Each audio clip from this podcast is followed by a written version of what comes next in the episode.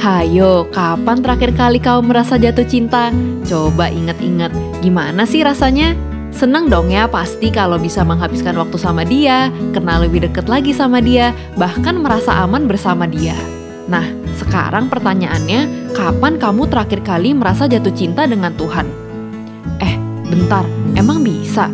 Bisa dong. Tuhan tuh sayang banget sama kita sampai kasih anaknya yang tunggal buat mati menebus kita. Dan karena dia terlebih dahulu sayang sama kita, kita jadi bisa sayang sama Tuhan, diri kita, dan juga orang lain, termasuk si doi. Karena ini, aku nggak punya alasan untuk nggak sayang sama Tuhan dan jadi bisa enjoy punya hubungan sama Tuhan. Entah lewat baca Alkitab, berdoa, denger lagu, nonton khotbah, sampai baca buku, aku bisa enjoy waktuku sama Tuhan melalui 3M. M yang pertama adalah mengenal.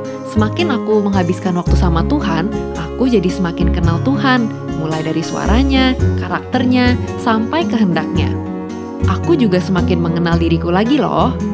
Yang kedua adalah mengucap syukur aku semakin bersyukur karena di dalam ketidaksempurnaan aku, aku selalu dimaafin, dikasih kesempatan lagi, dan aku nggak pernah dijudge atas kelemahan aku. Nah, yang terakhir adalah memuji.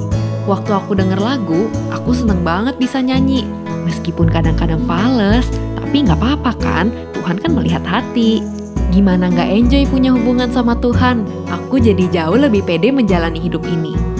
Tuhan tuh sayang banget loh sama kamu, dan pastinya Tuhan mau kamu bisa enjoy punya hubungan sama Dia. Nah, kamu mau nggak fall in love lagi sama Tuhan?